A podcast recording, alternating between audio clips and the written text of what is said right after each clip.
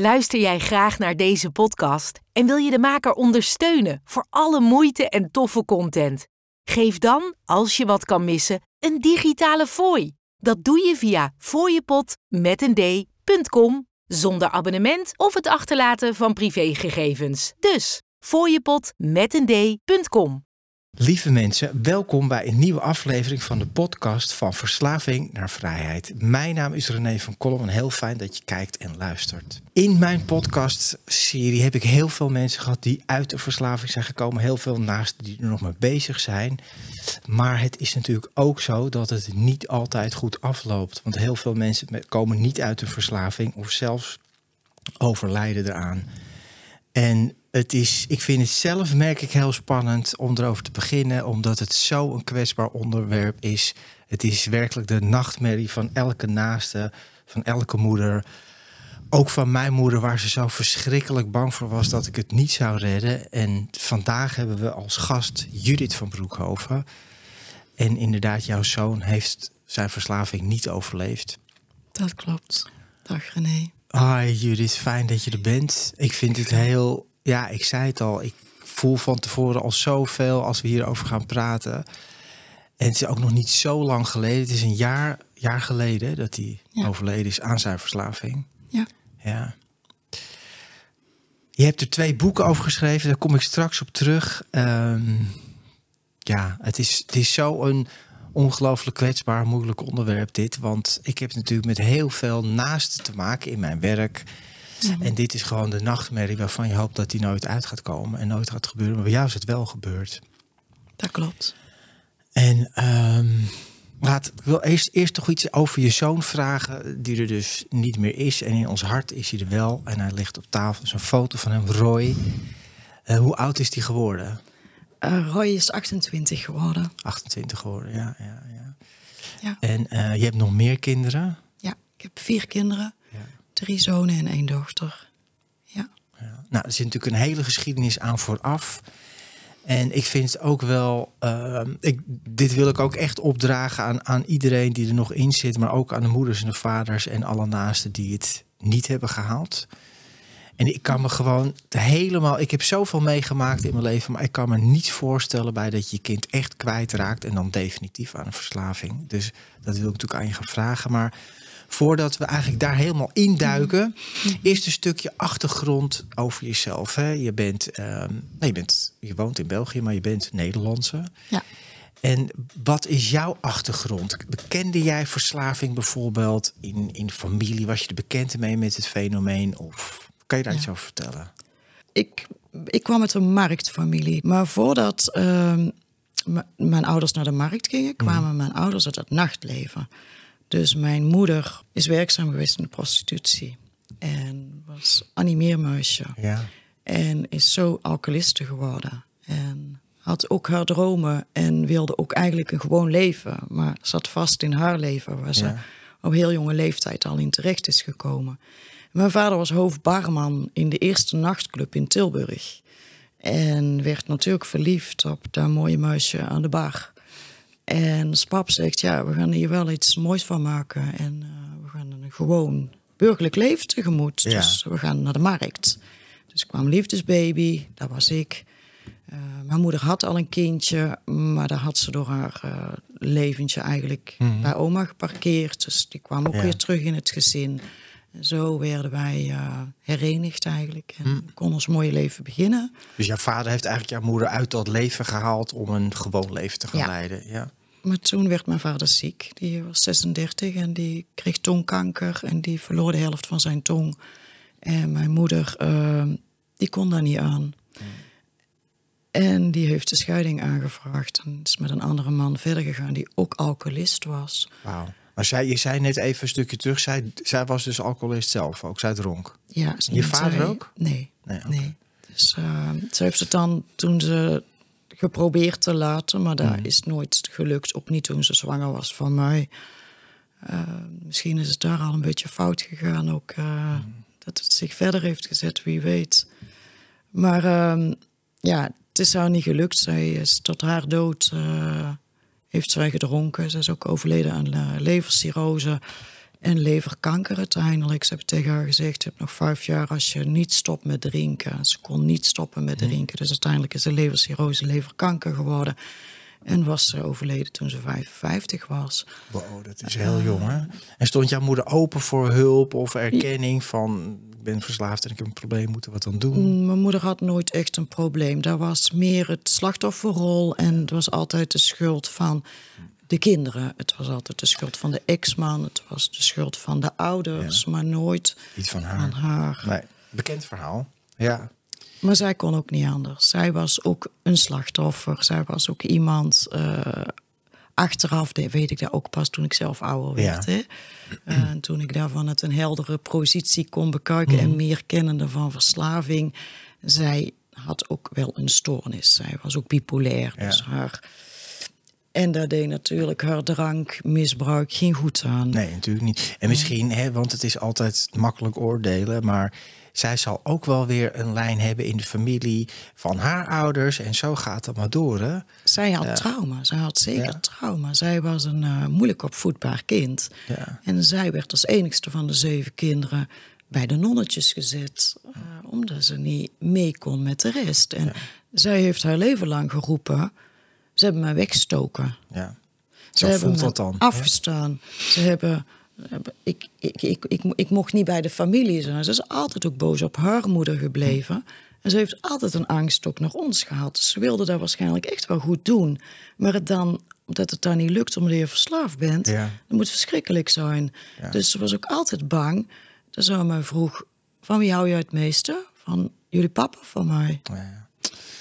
Ja, dat blijft er dan in zitten. Dat is echt een dat, dat afwijzing. Dat is dan zo'n sterk gevoel. Ja. Jeetje, maar Judith, dus je bent, nou ja, over de naaste van een verslaafde gesproken. En je moeder en je zoon. Ja, dus dat is eigenlijk jouw achtergrond. Je moeder is, nou ja, alcoholist en daaraan overleden op 55-jarige leeftijd. En je vader niet. Maar hoe, hoe was jouw, ja, hoe ben je daarmee omgegaan als kind? Je weet natuurlijk eigenlijk, tenminste, denk ik niet waar je mee te maken hebt. Nee, ja, ik werd natuurlijk eh, de grootste codependent die je kunt voorstellen. Eh, want ehm, mijn moeder had mijn vader in de steek gelaten. En ik zei tegen mijn vader met mijn zes jaar... papa, ik laat jou nooit in de steek. En ik zal altijd voor jou zorgen. En ik heb dat ook gedaan tot aan zijn dood. In elk huis en elk huwelijk waar ik had... had hij een eigen kamer. Wauw. Ja. Dus ik heb mijn vader tot zijn dood samengewoond met mijn vader. Mijn vader had altijd een plekje in mijn leven. Het is natuurlijk verschrikkelijk lief, hè? Die codependency die komt eigenlijk uit zo'n goede ehm, ja, inborst naar voren, zeg maar. Dat je voor iemand wil zorgen. Alleen als je zes bent en je moet voor je vader zorgen, ja, daar klopt natuurlijk helemaal niks van. Maar jij hebt die rol opgenomen van ik ga voor jou zorgen, mama is er niet meer. Ja, ik begrijp hem wel. Mijn moeder, mijn moeder was er nog wel een stukje, maar als ik bij mijn moeder kwam, dan ging ik voor haar zorgen. Oh ja.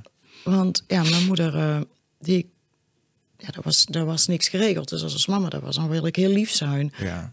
En vooral niet als man boos werd, dat men een beetje liefde gaan halen, een beetje mama-liefde. Hè. En bij mijn vader, eh, ja, zorgde ik voor mijn vader, maar woonde dan ook bij mijn oma. En overdag was ik bij mijn, de moeder van mijn moeder. Want dan ging ik naar school, want papa moest naar de markt. En dus het was maar net, wie kan Judith gebruiken en wie wil Judith hebben? En daar ging ik naartoe en daar paste ik me aan. Dus daar waren die regels, dan deed ik daar. Daar waren die regels, dan deed ik daar. Ja, waanzinnig. hè. De complete, ik bedoelde ook, ja, je moeder was er wel, maar ze was er ook niet, zeg maar. In, in, nee, ze kon die rol niet emotioneel Nee, beschikbaar. nee, Nee, nee. nee. Dus vanaf hele jonge leeftijd ben je gaan aanpassen en ben je in die codependency terechtgekomen zonder dat je natuurlijk weet wat dat is en of dat gezond is en moet ik dat wel doen. Dan denk je allemaal niet over na. nee. En dus dat is al een ja, heel tekenend begin van jouw leven eigenlijk. En toen jij opgroeide later in de puberteit of dingen, ben jij zelf nog met verslaving? Of, want dat hoor je natuurlijk vaak, hè, dat ook al heb je slechte ervaringen met nou, van alles en nog wat kan dat zijn, dat je juist ook weer dat opzoekt wat je kent. Kwam jij bijvoorbeeld vriendjes tegen die ook gebruikten? Of als ik dat mag vragen. Ja, eh, mag ook- alles vragen. Mag alles vragen. Ik weet niet of je op Alles een vragen. antwoord geeft, maar ik mag ik wat ik vragen. zeg, dat bepaal ik zelf, maar ik mag alles vragen. Heel verstandig. maar kwam je dat later bijvoorbeeld tegen of ben je zelf ook gaan gebruiken op in, nou ja, tussen, tussen je 15, 20ste? Hoe ging dat? Nou, ik uh, werd best wel. Uh, ik had heel veel vrijheid thuis, want mijn vader was altijd werken. Dus Ja. Alleen had ik toen nog niet door dat hij werkverslaafd was. Mijn pap was altijd werken. Ik vond het altijd heel erg, want eh, ik had echt altijd met pap te doen. Ja. Dat was altijd door regen en wind en door, hè, door, door- door lange dagen, zeven dagen in de week werken. En voor mij hoefde dat helemaal niet. Ik had liever een pap af en toe. Ja, natuurlijk. Maar eh, die, Ja. ja. pap, die heeft, die, die, die heeft dat was een kind, de negende Ja. van een gezin van tien. En had acht zusters en toen kwam hij. Dus als pap is er nog een enorme vrouwelijke energie grootgebracht. Dus pap kon eigenlijk helemaal niet voor zichzelf zorgen. En toen kreeg je een dochter die dan daar ook over. Dus pap kon, die, wilde, die hield heel veel van mij. Hè. Wij hadden echt een, extreem, een extreme band, echt een goede band. Wij, wij waren heel close met elkaar. Hij hing veel te veel aan en Ja, ik veel te veel aan hem. hem. Ja. Dus het was helemaal niet gezond Ja. achteraf gezien. Nee, dat maar het was wel zo. heel innig. Ja. En dus we, we waren alles voor elkaar. Ja. ja, begrijp ik. Dus, dus alles waren wij voor elkaar. Maar als pap, die is gewoon gevlucht in zijn werk. Ja, dat begrijp ik ook. En, maar nog even terug. Hè. Ik vroeg dan van, nou, in, je, in jouw puberteit, hoe ben je, Ja.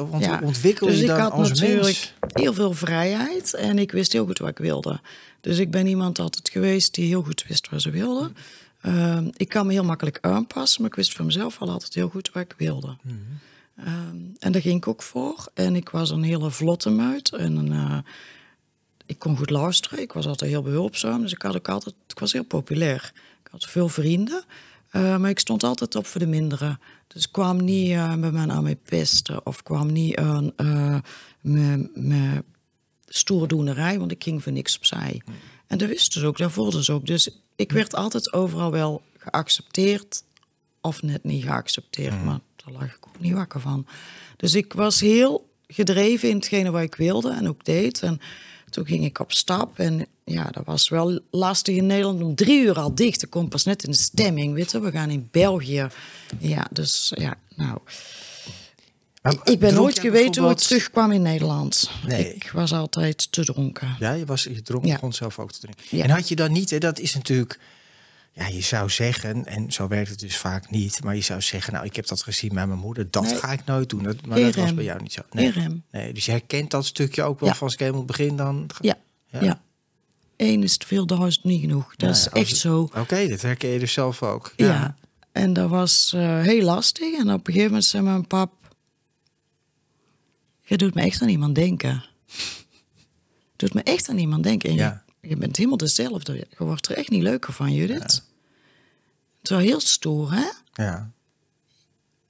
Ja, dat weet ik niet. Ik weet niet hoe ik dan ben. Ik, eh, ik wist niks. Ik, zover ging ik laveloos. Dus Roy heeft me toen eigenlijk gered. Jouw zoon, die er nu niet meer is. Want ineens was ik onverwacht zwanger. Mm, Ik zat in een hele wilde periode van mijn leven. Ja. Eh, ik graag op stap en veel drinken dan. Ja. En, en eh, dan maar weglachen. En was mijn ontspanning, was Ja. mijn beloning van het wer- harde werken. Heel de week naar school gaan, voor ons pap zorgen, mee naar de Ja. markt gaan op zaterdag. En dan ja, zaterdagavond op stap. Hè? En toch denk ik dan, hè, dat, ik begrijp het wel, maar ergens zou je zeggen, want dingen gaan zoals ze moeten gaan, maar eh, had je dan niet zoiets van, nou, ik wil dus niet die kant van mijn moeder, daar wil ik niet op. Dat, of dacht je van, nou, Toen maar ik, maar of dat ik ging ben niet zo. overkomen. Nee, dat. Het gaat mij, ik ben niet zo, het gaat mij niet overkomen. Ja, dat is natuurlijk ook weer een standaard gedachte. Doe dat alleen op zaterdag. Ja, ja. Dus doet dat heel de week. Ik doe dat alleen op Ah, zaterdag. ja, oké. ja. Ik stop ermee als ik dan morgen doe ik dat niet. En ik ben jong, hè? Ja. Daar, hè? ja, en dat lukte dan ook. Je kon er ook mee stoppen. Ja, ja. Ja.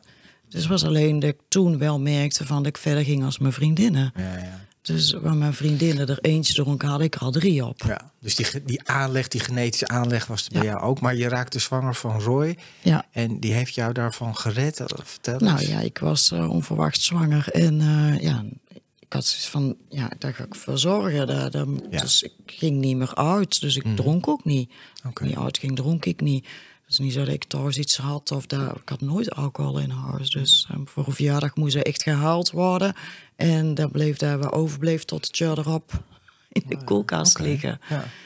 En ja, dan heb ik eigenlijk nooit meer het was eigenlijk niet echt een issue. Ik, ik werd mama. Ja. En ehm, pas toen ik in de veertig was en zelf heel moeilijk, weer in een heel moeilijk stuk van mijn leven zat. Nou, een zware vechtscheiding en alleen ben komen te staan met vier kinderen. Met de papa van. Met de tweede papa inmiddels al.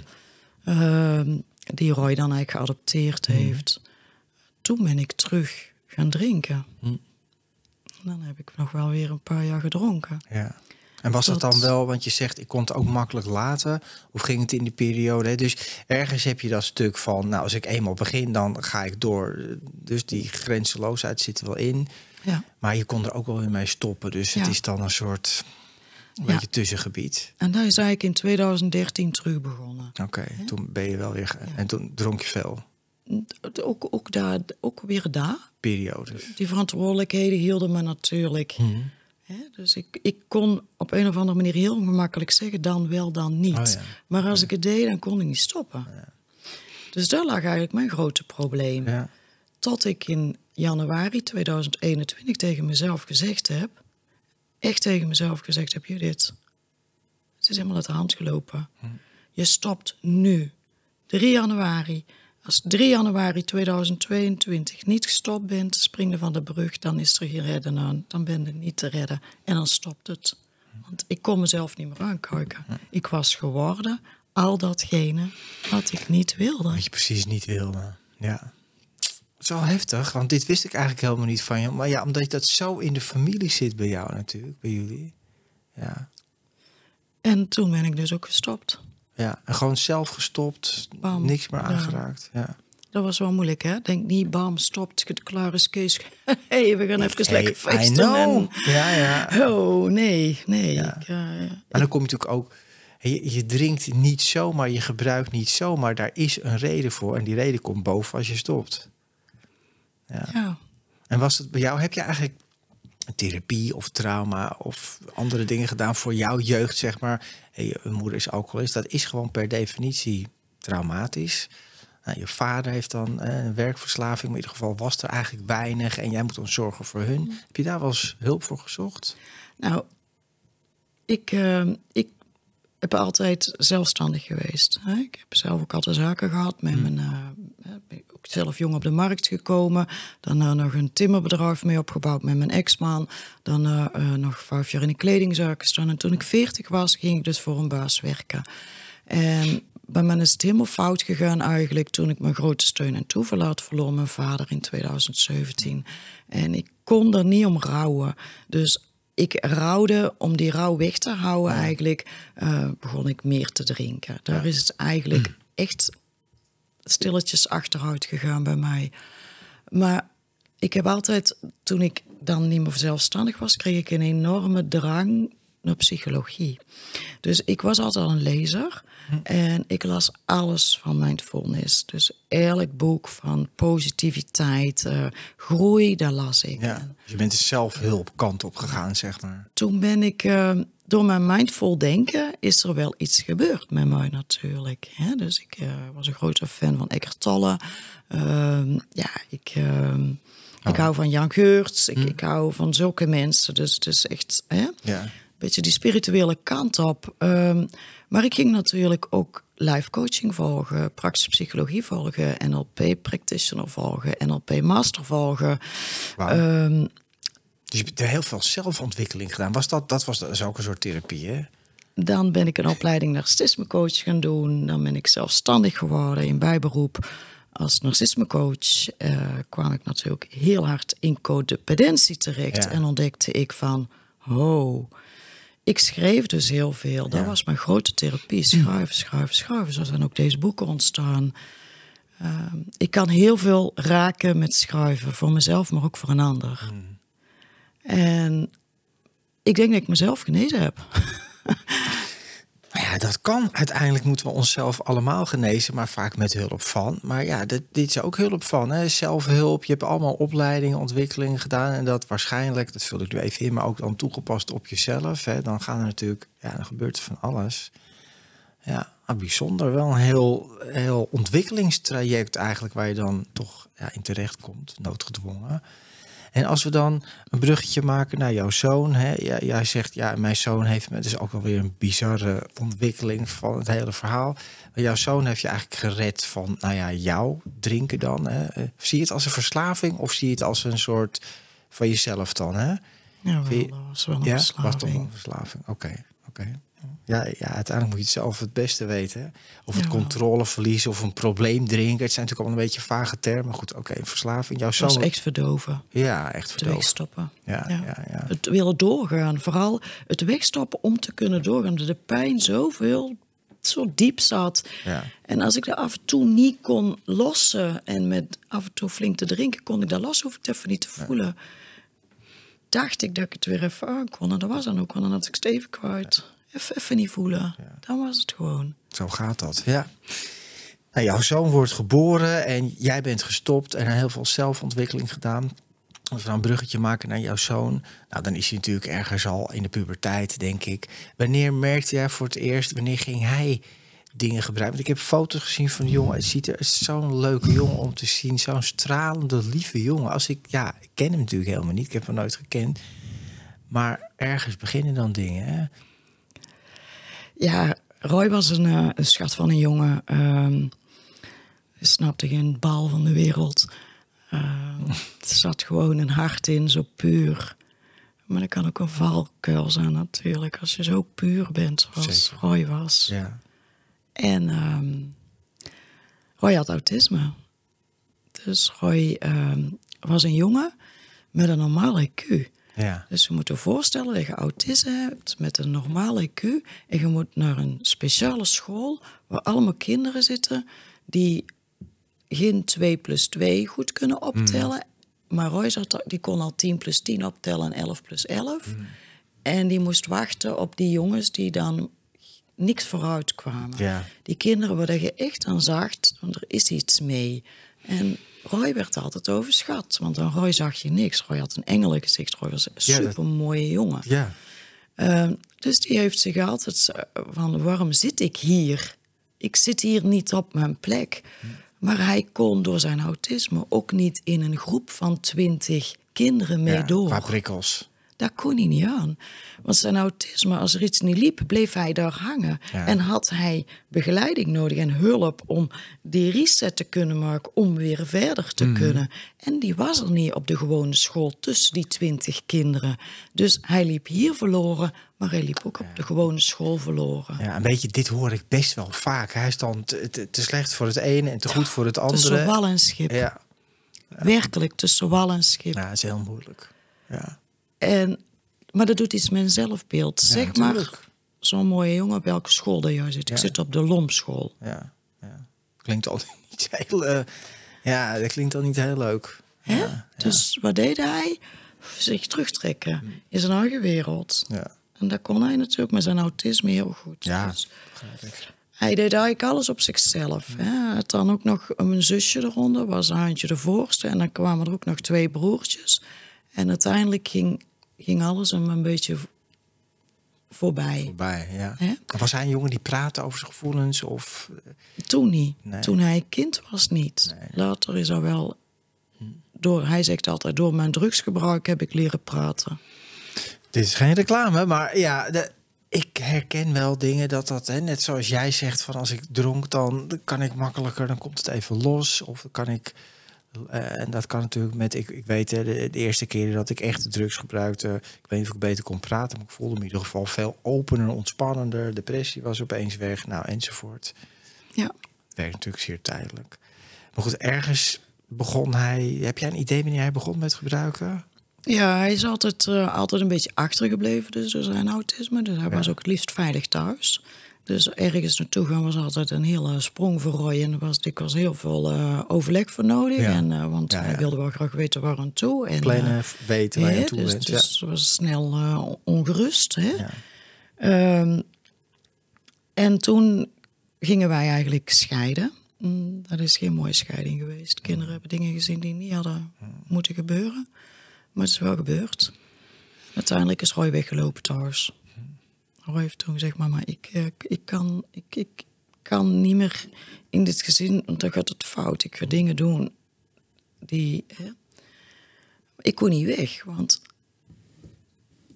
ja, mijn twee klantjes, ik kon, waar moest ik naartoe? Ja. Ik was zeer afhankelijk geworden. Ik, Mhm. ik was behoorlijk, ehm, ik had behoorlijk de touwtjes uit handen gegeven. Ja. Maar ik wilde die wel weer terug in mijn handen nemen, maar daar moeten wel met twee redelijke mensen voor zijn. En Ja. daar ging het fout. Dus Dat ging niet. Ja. ik kwam in een vechtscheiding terecht. Uiteindelijk ben ik dan naar een krot van de woning vertrokken met hulp van mijn vader. En dan is Roy teruggekomen. Ondertussen waren we drie maanden verder. En toen was hij verslaafd. Al gelijk. Oké, dus in die, in die drie maanden is hij, is hij ergens terechtgekomen? Of Hij is toen bij een vriend gaan wonen. ja, ja. En hij heeft de drugs leren kennen of iets? had dus net als ik geen rem. Ja. En die vloog dus eh, van eh, een biertje direct in de GHB, ketamine, ecstasy en nam dat allemaal door elkaar. Wow. Hoe oud was hij toen? 18. 18. Dus het was eigenlijk van niks naar alles in één keer, Ja. geen, geen rem. Ja. Ja, dus ergens tussen de 18 en de 19 is hij flink beginnen gebruiken. En Ja. toen hij 19 was, kreeg ik eerst de bericht al van het ziekenhuis. Van, eh, hij ligt hier met een overdosis. Hoe is dat dan als moeder dat je dan, nou je hebt je, je eigen geschiedenis gehad met jouw moeder, je weet zelf eh, wat het eigenlijk is en dan herhaalt de geschiedenis zich weer met jouw zoon van 19 die dan in een ziekenhuis ligt. Hoe, wat gebeurt er dan bij je als je dat hoort? Mijn vader zei direct, Judith, het kon niet goed komen. Het komt niet goed, er is geen houden aan die jongen. Die heeft geen begin en geen einde.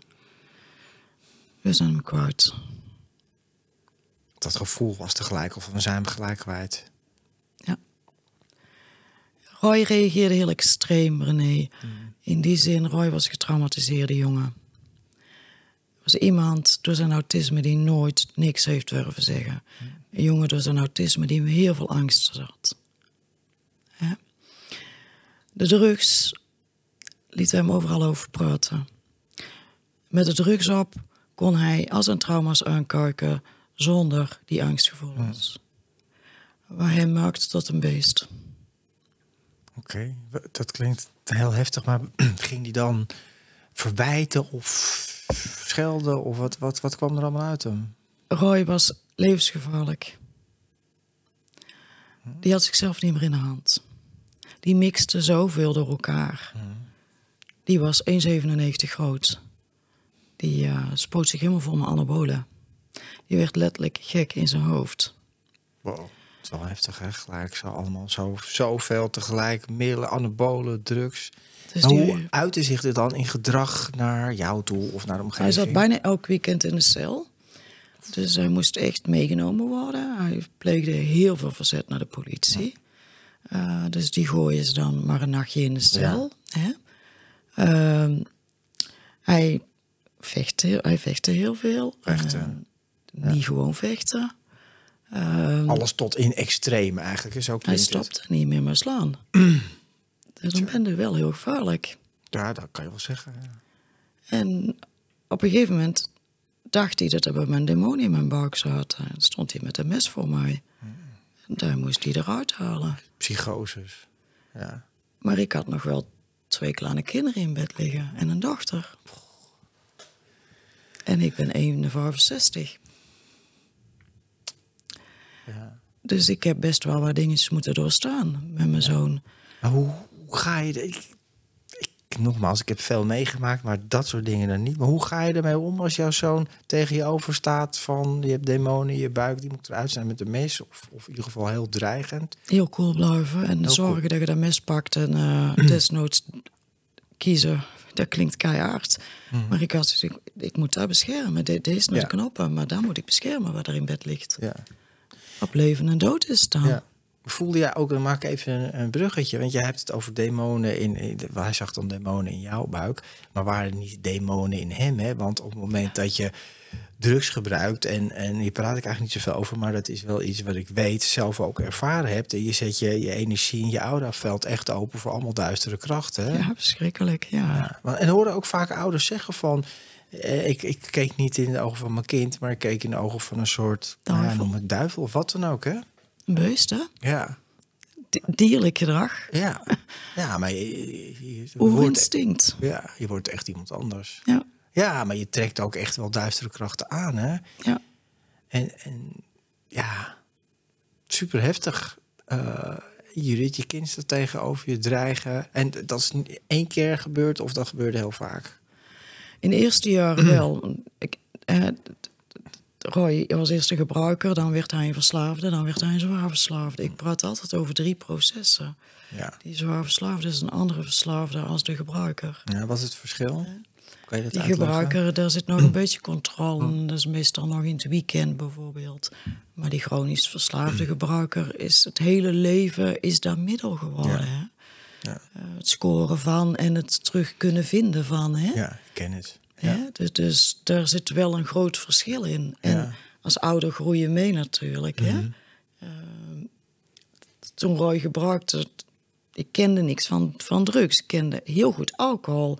Maar alcohol en drugs zijn wel twee verschillende werelden Ja. natuurlijk nog. Ja.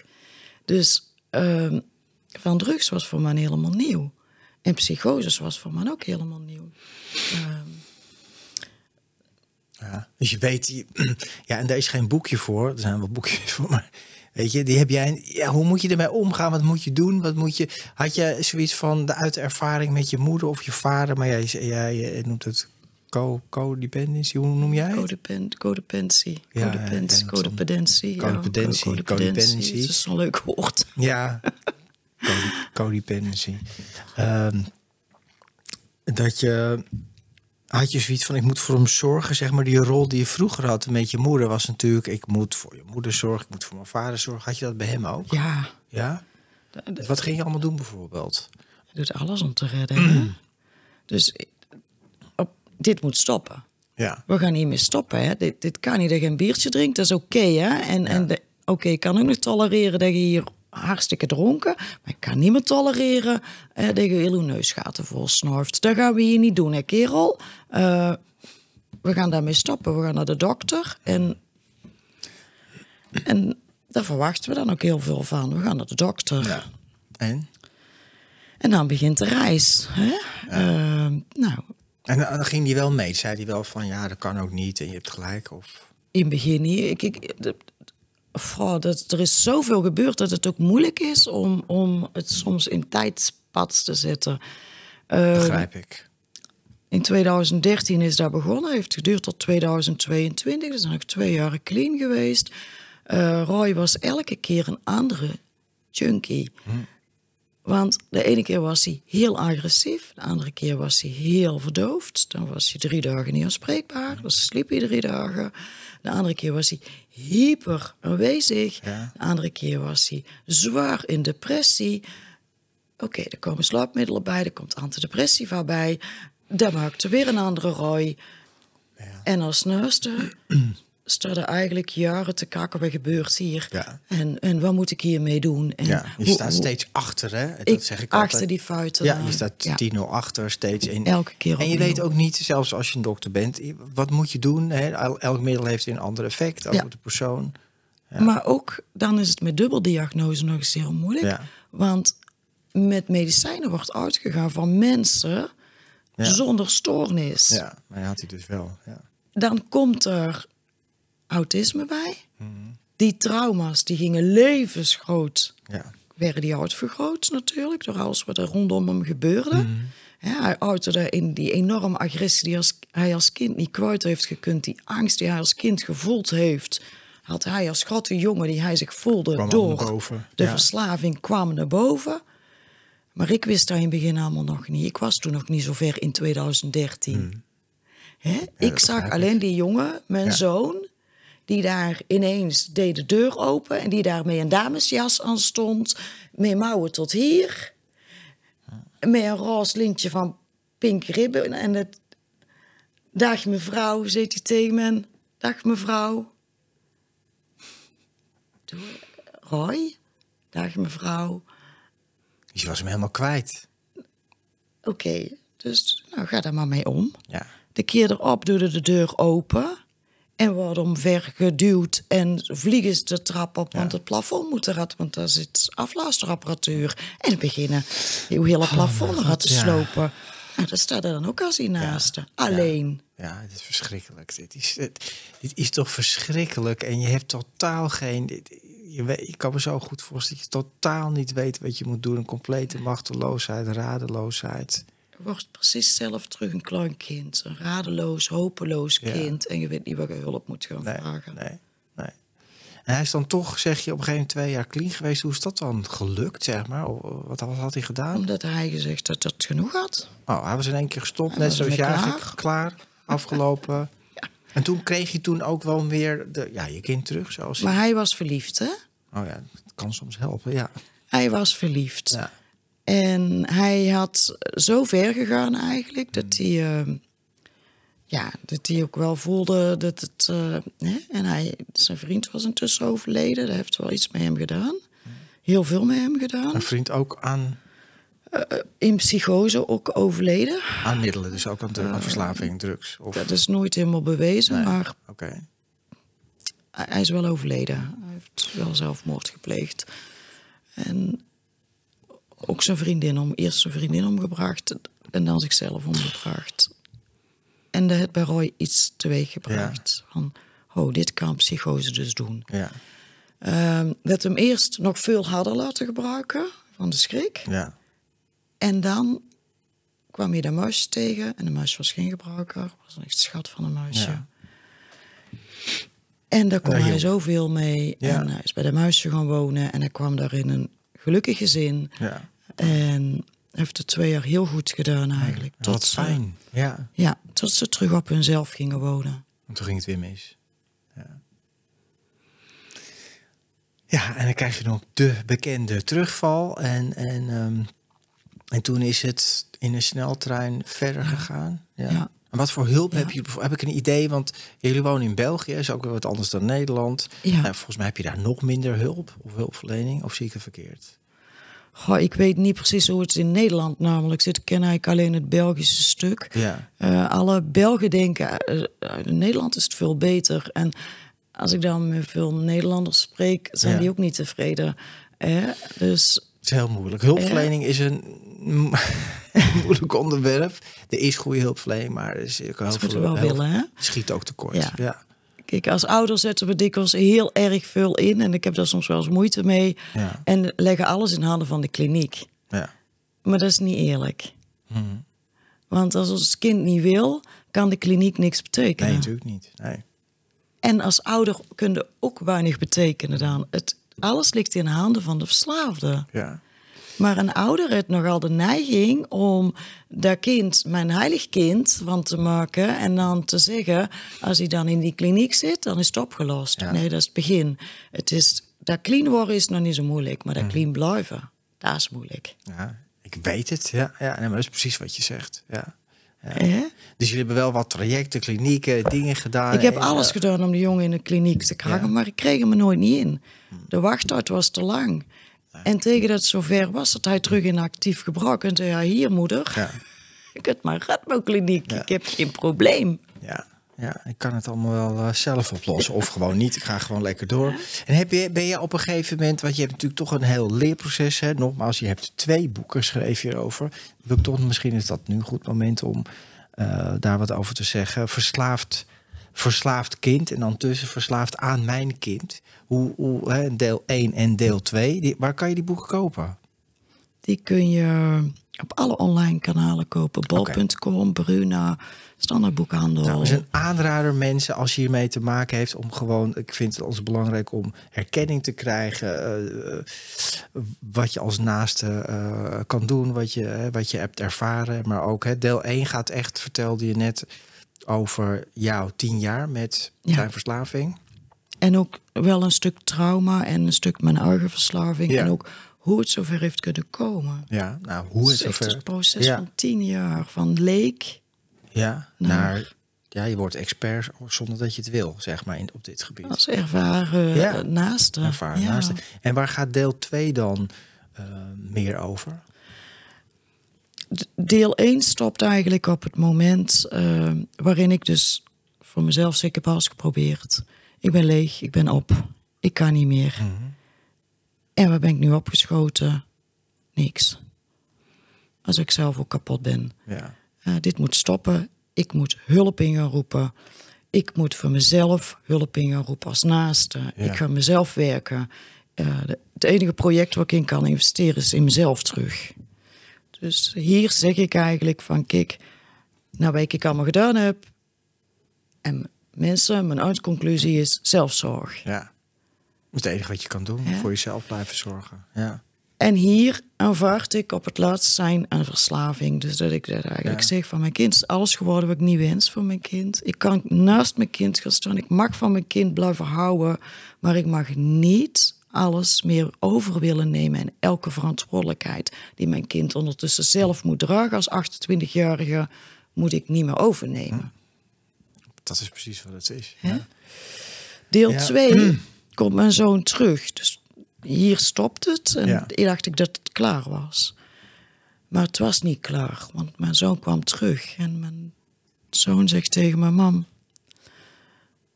Ik neem 100% verantwoordelijkheid voor mijn verslaving. Ik ben Roy de Junk. Hmm.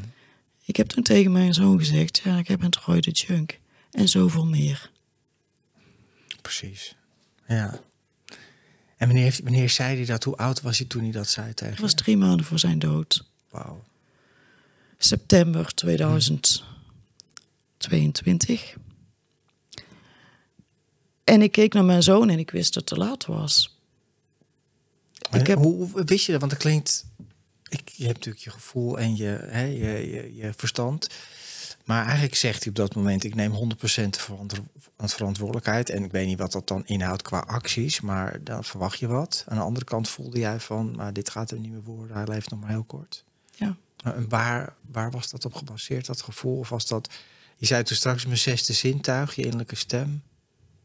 Mijn, Een weten.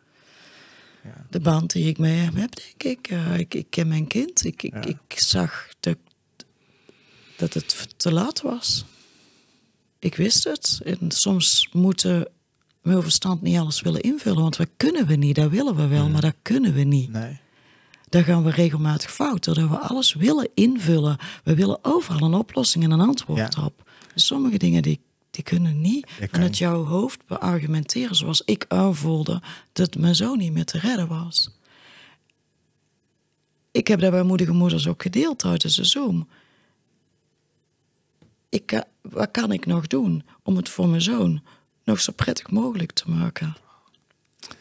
En toen zei Tini Tol tegen Ja. mij... En daar ben ik haar zo dankbaar voor. Behandel hem als een terminaal kind. Verschrikkelijk heftig, hè? Als je, zo voelde je het echt. Ik wist dat. Je wist dat. Ja, we moeten toch naar dat punt toe. Uiteindelijk is je zoon echt overleden aan zijn verslaving. Wat is er Hij is gebeurd? dus dan in september dat? teruggekomen. Ja. Ik was er weer overheen aan het praten. Hè. Ja, Eh, om terug te komen op dat stuk. Hij nam de verantwoordelijkheid. Eh, dus hij zag dat hij zo niet verder kon. Hij voelde dat zijn lichaam op was. Mam, ik ben op. Op alle fronten ben ik op. En hij heeft toen eigenlijk iets heel moois tegen mij gezegd. Hij heeft toen tegen mij gezegd, mam... Met alle drugs die ik nog zal gebruiken... kan ik uiteindelijk het probleem waar ik voor ben gaan gebruiken... niet meer wegslikken, niet meer wegspuiten, niet meer weg. Niks kan ik nog. Het komt tien keer harder terug als toen ik eraan begon. Het probleem is maal tien geworden. ja. En toen wist ik, hij is klaar voor naar een kliniek te gaan. ja. Hij is klaar. Ja, het werkt niet meer. Op een gegeven moment werkt het ook niet meer. Wat je ook gebruikt, hoeveel je ook... Ik ken dat zelf ook. Het werkt niet meer. Je kan niet meer, het kan niet meer verdoven. Ja. En hij zei toen ook van, nu komen die trauma's niet meer. Nou komen de doodskoppen, nou komt de andere wereld.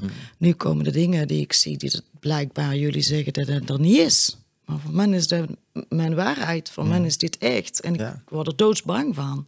Ik durf niet meer naar boven. Ik durf niet meer, ik durf niet meer naar buiten. Ik, ik, ik weet niet meer wat echt en niet echt is. Wie ben ik nog? ja. Heftig. Hij raakt zichzelf compleet kwijt in de duisternis. Ja. Hè? Ja. En ik kon er elke keer niet over uit hoe een heldere momenten dat hij had. De- Die jongen had zoveel diepgangen. En die laatste maanden heeft hij zo'n groei doorgemaakt. Los van Muid, hè, we hebben elkaar dan drie maanden niet gezien. En Mhm. hij het zijn groei gemaakt, ik de mijne. Ik zou bijna durven zeggen, zonder gek verklaard te worden, dat het een plan leek van boven. Ja. Voor mij ben je zeker niet, eh, word je als gek verklaard. Ja, weet je, dingen gaan zoals ze moeten gaan. Ook al denken wij dat ze heel anders moeten gaan. En eh, hoe is hij, eh, is hij door een overdosis aan zijn einde gekomen? Of, We hebben dan die laatste drie maanden zijn wij heel, heel erg, erg close geweest. Maar hij was dus heel, heel erg verslaafd. Dus er was niet meer even van dat hij die laatste drie maanden niet meer onder invloed is geweest. Want Nee. het ging gewoon niet Nee. meer. constant. Uh, maar er waren extreem heldere momenten. En hij tegen mij zei, mama, uh, ik, ik, ik ga nu echt voor een langdurige opname. Dus dan heb ik gezegd van oké, dan neem de contact op met de ambulante drugsbegeleider. Ja. heeft hij ook gedaan. En hij is er teruggegaan en heeft gezegd, ik wil echt Mhm. een langdurige opname. Dus daar waren we ook weer mee bezig. En dat was ook een heel mooi traject in het vooruitzicht. Ehm, ondertussen was hij echt zijn shit aan het aankijken en hij wilde praten, praten, praten, praten. Ik ben hem dit boek gaan voorlezen. Hm. Ja, Ja, eigen boek, hij vroeg, mam, is het boek geworden? Want ik heb natuurlijk toestemming voor Aan boek hem 1 aan hem gevraagd. Van, is het oké? Jij moet alles doen voor mij. Al kunnen we er maar ene mee helpen. Ene maar, zei hij. Dan is heel mijn verslaving niet helemaal voor niks geweest. Zo stond hij in het verhaal. Ik vond dat super, super krachtig. Maar is het geworden, deze boek? Want ik heb dat afgeschreven in die Ja. dat ik geen contact met hem had. Mm. Ben hem stukjes gaan voorlezen. Dat was heel emotioneel. Voor ja, hem ook. En confronterend lijkt me ook nogal. Ja, Voor ons beiden. ja. Maar wij hebben samen wel onze schuld afgelost. Wij hebben elkaar wel zo goed leren kennen. Terwijl we dachten dat we elkaar al heel goed kennen. Maar wij zijn echt tot op bot gegaan Ja. toen. Nou, dat vind ik ook wel weer knap, want dat kon ik met mijn moeder niet hoor. Ik kon er niet over praten. Dan werden, er kwamen er zoveel emoties naar boven. Dat ik, nou ja, kon niet, wilde niet. Was te pijnlijk allemaal. Ja. En op een gegeven moment krijg je dan een telefoontje of wil je dat vertellen? Of wil je dat niet vertellen? Hij is toen zelf gaan schrijven. Dus ik, eh, Mm. ik heb dan gezegd van ik moet terug gaan schrijven. Want wat er nu allemaal mee ons aan de hand is. Mhm. eh, ja, we gaan een tweede boek schrijven. We zijn nog nooit in een afkeerkliniek geweest. Roy. We- Jij gaat naar een afkeerkliniek. En jij gaat als verslaafde jouw ervaringen. En ik ga het voor jou het werken. Dan zag ik helemaal zitten. Heb ik een doel? Heb ik echt een doel? En dat heb ik nodig, mam. Ik heb een doel nodig. Ja. En ik kan het zelf in mijn omgeving nergens nog vinden. Ik, ik, ik, ja, ik wil daar. Ik, ik, en door dit werd er zaadje geplant. En waarom weet ik nu 100% zeker dat dit zaadje geplant werd door dit boek? Dat is een afscheidsbrief die hierin staat. Dus hij is zelf gaan schrijven. Ik kreeg in oktober, maand voor zijn overlijden, kreeg ik een mail aan. En ik heb daar drie dagen mee op de bank gezeten. Dat was zijn afscheidsbrief. Ik denk dat dat zijn soort schuldbrief was, waarin hij alles, alles van zich afgewerkt heeft. Dus dat origineel zoals die is hierin, die Ja. mail is gewoon door de uitgeverij. Ja. En daarin merkte ik terug dat hij dit begrepen had. Inzichten. Onvoorstelbaar. Hij had het. En daarom had ik zoiets van boek 2 moet gewoon komen. Maar een afkeerkliniek hebben we niet meer gered. Dus uiteindelijk is het maar rouw geworden. Het gaat het over de eerste 101 dagen. En alle flashbacks die er dan komen Ja. tijdens de rouw. Want het is dan niet over, hè? Nee, dat, Het- dat begrijp ik. Maar eh, Judith, hoe ga je nou als moeder om gewoon... Nou, gewoon... Hoe ga je met, als moeder om met als je kind echt overlijdt aan, een, aan zijn verslaving? Want ik kan me daar helemaal niks bij voorstellen. Ik heb natuurlijk heel veel mensen die daar nog middenin zitten als mijn werk. Maar hier valt, ja, deze jongen is er niet meer. Hoe, draag je dat? Hoe verwerk je dat? Ik denk dat we dat nooit helemaal verwerkt krijgen. Want het is de omgekeerde wereld. Hij had mij tussen die zes planken weg moeten brengen. Hij had mij in de kist moeten zien liggen. Ja. Daar weten we als kind dat we er ooit voor komen te staan... dat we daar onze ouders eerbiedig moeten gaan wegbrengen. En het is een heel mooi cadeau als kind... dat we onze ouders eerbiedig mogen wegbrengen. Dat zeg je mooi, ja. Maar het is niet de bedoeling andersom. Daar is iets wat niet Hmm. klopt. In, in, en ook iets wat niet, waar we het straks hadden, verstand en gevoel. Ja. Dat is iets waar, waar een moeder niet, niet snapt. Nee. Waarin ze dit niet op één lijn krijgt. Mijn moeder is nou, gisteren vier jaar geleden overleden, eergisteren. En, maar dat is, ja, die was 89. Dat is wat je zegt, zo hoort het. Dat is natuurlijk en dan moeten we allemaal huilen. En, maar het voelt ook ergens, ja goed, ze heeft een leven geleden. Maar dit kan nooit goed voelen, of wel? Nee, het ook niet. Kan je, kan je er rust, of de, hè, want soms, dat is heel bizar wat ik nu gezegd maar ik heb ouders gesproken in mijn werk die zeggen van, misschien is het beter, dan is er rust of zo, of dan heeft hij zijn rust. Hoe ervaar jij dat? Ja, misschien een hele stomme vraag hoor. Nee, is helemaal, is helemaal niet een stomme vraag. Kijk, het leven verandert helemaal als naast natuurlijk eh, op het moment dat de verslaving wegvalt. Ja, Of ze nu in herstel zijn. Hè? Alleen Ja. dan blijft er nog altijd heel lang die onrust van vertrouwen en wantrouwen. ja precies. Toen Roy overleed, was de rust dat de verslaving gedaan was. En kwam het verdriet om mijn kind. Ja, Hè? Dus de rust kwam er, want er kwam geen onrust meer. Die verslaving viel van mijn kind weg, maar kwam wel de puin van de jongen die ik heb moeten afgeven. Ja. Mijn zoon. Mijn zoon was veel meer dan zijn verslaving. natuurlijk. Alleen die verslaving had alles overgenomen. Het hele welzijn van mijn kind, maar ook het hele welzijn van ons als netwerk. Ja, van jou. Ja, En niet alleen van mij, want het gaat niet alleen om mij. Nee. Er waren ook, was ook een zus, er waren ook Broers, twee broers. ja. Die hebben ook niet de moeder gehad die ze verdiend hadden. Die hadden een zorgeloze moeder moeten hebben. En die hadden een moeder waar ze een vervelend gevoel bij kregen. Een moeder waarvan ze zagen, die had heel veel verdriet. Die moeder, die was er niet 100% voor die kinderen. Ik had met die kinderen in de speeltuin moeten rondlopen... in plaats van met die kinderen in de auto moeten zitten op zoek naar hun broer. ja. Dit is wel een van de zwaarste gesprekken die ik gevoerd heb. Ik weet ook, ik val er een beetje stil van. Ik voel ook... eh. Ja, het verdriet. En eh, ik kan hem, weet je, ik heb zoveel meegemaakt zelf, maar ik kan me dit gewoon helemaal niet voorstellen. Maar ik voel het wel helemaal. Alles wat je vertelt is zo intens en zo heftig. En toch zit je hier dan, nou, en jouw leven gaat verder. Ehm, ja, je schrijft dat boek. Wat voor dingen doe jij nu nog meer die jou... Is het ook een missie van jou om anderen hiermee te helpen? Ja. En je moedige moeders hebben we het over gehad en dat soort dingen. Wat doe jij nu? En, en Wat doe ik? Eh, ik heb eh, heel veel van mezelf gevergd. Deze twee boeken. Deze is in april uitgekomen, deze in november. Die liggen niet zomaar ineens bij bol.com. nee, dat, is een heel proces. heel proces geweest. Dus het heeft me heel veel energie gekost. Ja. Toen dit boek uitkwam, heb ik tegen mezelf gezegd: nu laat ik alles los. En ik zie wat er op mijn pad Ja, ja. komt. Ja. Ik wil eh, zo en zo. Want ik, ik ben geen naaste meer. Maar er zijn ook wel heel veel mensen naasten. Er zijn er nog heel veel. En als ik daar mensen mee kan helpen. Ja, En mensen in bij kan staan. En mensen een luisterend oor kan geven. ja. En mensen mijn verhaal kan vertellen.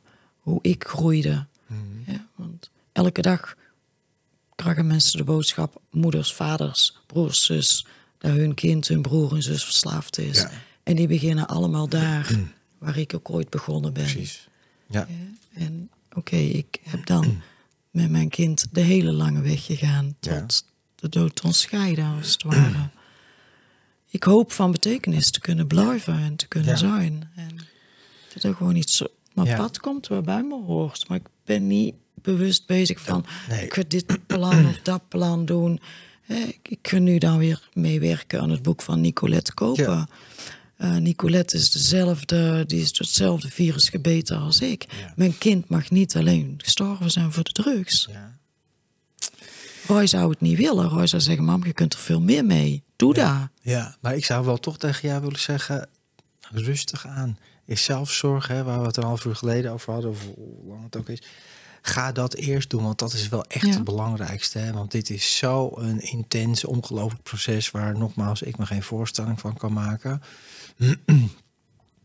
en eh, Ja, dat, je hebt ook al zoveel mensen geholpen. Je moeder, je vader, je kind. Uh, ga daar eerst maar eens aan Judith ook denken. En we zien wel wat er komt. Ja. En uiteraard, hè, mensen hebben denk ik al heel veel hulp aan dit boek. Want er staan natuurlijk ook heel veel uh, nou, stappen in die ze herkennen. Want al die verhalen, al die dingen, is het, helaas allemaal hetzelfde. Maar dat is ook wel heel overzichtelijk dat het allemaal hetzelfde is. Ik neem aan dat mensen hier ook veel uit kunnen halen. En heb jij nog, om af te sluiten, wat zou jij nou tegen, hè, de kijken natuurlijk naaste en de luisteren naaste, wat is nou jouw, ja, wat, wat zou je tegen willen zeggen? Of jouw gouden tip of gouden twee regels aan andere mensen die hiermee te maken hebben? dat, dat is niet in twee regels samen te vatten. Verslaving uh, is, is. Nee, maar als, als naast dat je zegt van hey, had ik maar eerder dit of als ja, dat kan ik wel zeggen. Nou, dat. Ik had eerder hulp moeten zoeken. Voor mezelf. Voor jezelf, ja. Ik was iemand, uh, ben door mijn codependentie een alles zelfdoener ja, ja. zijner. Zelf oplossen. Ja, alles zelf doen. Uh, ik had om het heel eerlijk te zeggen, mijn bak vol van hulpverlening. Uh, daar is eigenlijk al gebeurd in de tijd daar voordat er een diagnose autisme was, was ik er eigenlijk al klaar mee. Ja, dat begrijp ik. Dus ik had altijd zoiets van zoveel mogelijk. Ik zal het zelf wel mee oplossen. Ik ga zelf wel cursussen volgen. Ik ga zelf, we ruimen ons eigen shit wel op. Ik, ik, ja. ik heb daar altijd toch wel die trots gaat. Roy die trots ook gaat. Onze familie zit zo wel in elkaar. We zijn trotse mensen. Ja. En we zijn ook wel mensen die veel op ons aankunnen. Veel kunnen plaatsen zelf, kunnen verwerken zelf. Maar dit werd te veel. Ja. En ik ben zo dankbaar voor moedige moeders, Aranon, Aranon, uh, twaalf stappen, hm. afkikklinieken. Dat er meer nu aandacht voor de naaste komt, zo ook heel brood nodig is. Steeds meer. Dat er steeds meer boeken komen, podcasts zoals dit. Hier halen mensen zoveel uit. Ik ben daar heel dankbaar voor. Maar ik had het veel eerder moeten doen. Ja. Nou ik had in plaats van alles en iedereen rondom me nog willen redden, mezelf eerder moeten redden. Ja, precies. Ja, dat, dat is denk ik wel de sleutel en de gouden tip. En dat is natuurlijk de grootste valkuil dat je met al die moederliefde of vaderliefde of maakt niet uit, naaste liefde, wil je alles doen om jouw kind of naaste te helpen, maar je vergeet helemaal zelf en jij valt helemaal weg. En uh, weet je, je kan niet iemand anders redden, maar je kan wel op een gegeven moment sneller zeggen van, ja. hey, ik heb hier zelf hulp bij nodig. Nou, inderdaad, door met andere naasten te praten. Ja, heel Want ik denk dat jij tegen moeder X heel goed kan zeggen, nou, dan moet je niet zo doen. Dat zou ik, want ja, je weet het, je weet hoe het is. Dus daarin kan je nog van groot belang zijn. We hebben ook die. Allee, ik heb ook een Facebookgroep, hè? Verslaafd aan mijn kind. Nou, verslaafd aan mijn kind. Word lid ervan, kost niks op Facebook. Om ook verhalen te delen en erkenning te geven. En dan ben je ook niet alleen. Want dit is. Verslaving is in mijn overtuiging per definitie is wat je niet alleen kan oplossen. Niet als, nee, zeker niet. niet als verslaafde zelf, maar ook niet als nee. naaste van. Dus. Maar ik zie ook heel. Ik, ik, ik ben heel trots op mijn Facebookgroep. Twee jaar geleden ging ik zelf op zoek. Ja. Oké, ik zoek een lotgenotengroep ja. als naaste. En ik vond eigenlijk niks. Nee. Dus ik denk, dan begin ik zelf eentje. Ja, zo moet je het ook doen, ja. ja. En ik begon met vijf leden. En nu hebben we er 605. Ja, ja geweldig. Nou ja, en, en op een gegeven moment heb je de 6005. Want daarom doe ik ook dit. Er is voor die naaste zo weinig aandacht. Er is bijna niks. Hè. We hebben een paar coaches en er zijn een paar dingetjes in Nederland. Maar, en in België misschien nog veel minder. Nog heel weinig, ja. Dat is, is gewoon, uh, nou ja, goed. Maar we zijn, we zijn ermee bezig. En ik hoop dat dit helpt. En um, ja, mensen. Ik, ik hoop dat jullie ja, wat neem je nou mee van dit verhaal als luisteraar of kijker buiten dat het heel intens is? Nou ja, dat jij toch nog steeds hier zit. Dat het eh, dat jou, jouw verhaal is ook van zoek hulp en zoek eerder hulp. Ga ja. niet proberen alleen op te lossen. Maar want dit is echt een monster wat je niet alleen ja. kan verslaan. Dus ik hoop dat jullie dat meenemen. En deel het met andere mensen. Uh, uh, die hier mee te maken hebben naast en abonneer dit kanaal als je dat nog niet gedaan hebt. En Judith, ik wil je heel erg bedanken voor dit gesprek. En ik wil je, ja, alle kracht, licht, liefde en sterkte in de hele wereld werken die je nodig hebt voor dit hele proces en alles wat er nog gaat komen. En dat je er voor jou kan zijn en je andere kinderen natuurlijk ook. Ja. Dankjewel. Dankjewel. Dankjewel voor dit fijne gesprek. Ja, dankjewel. Luister je graag naar deze podcast? Laat de maker weten dat je waardeert wat hij of zij doet en geef een digitale fooi. Dat kan zonder abonnement, snel en simpel via fooiepot.com. Fooiepot met een d.com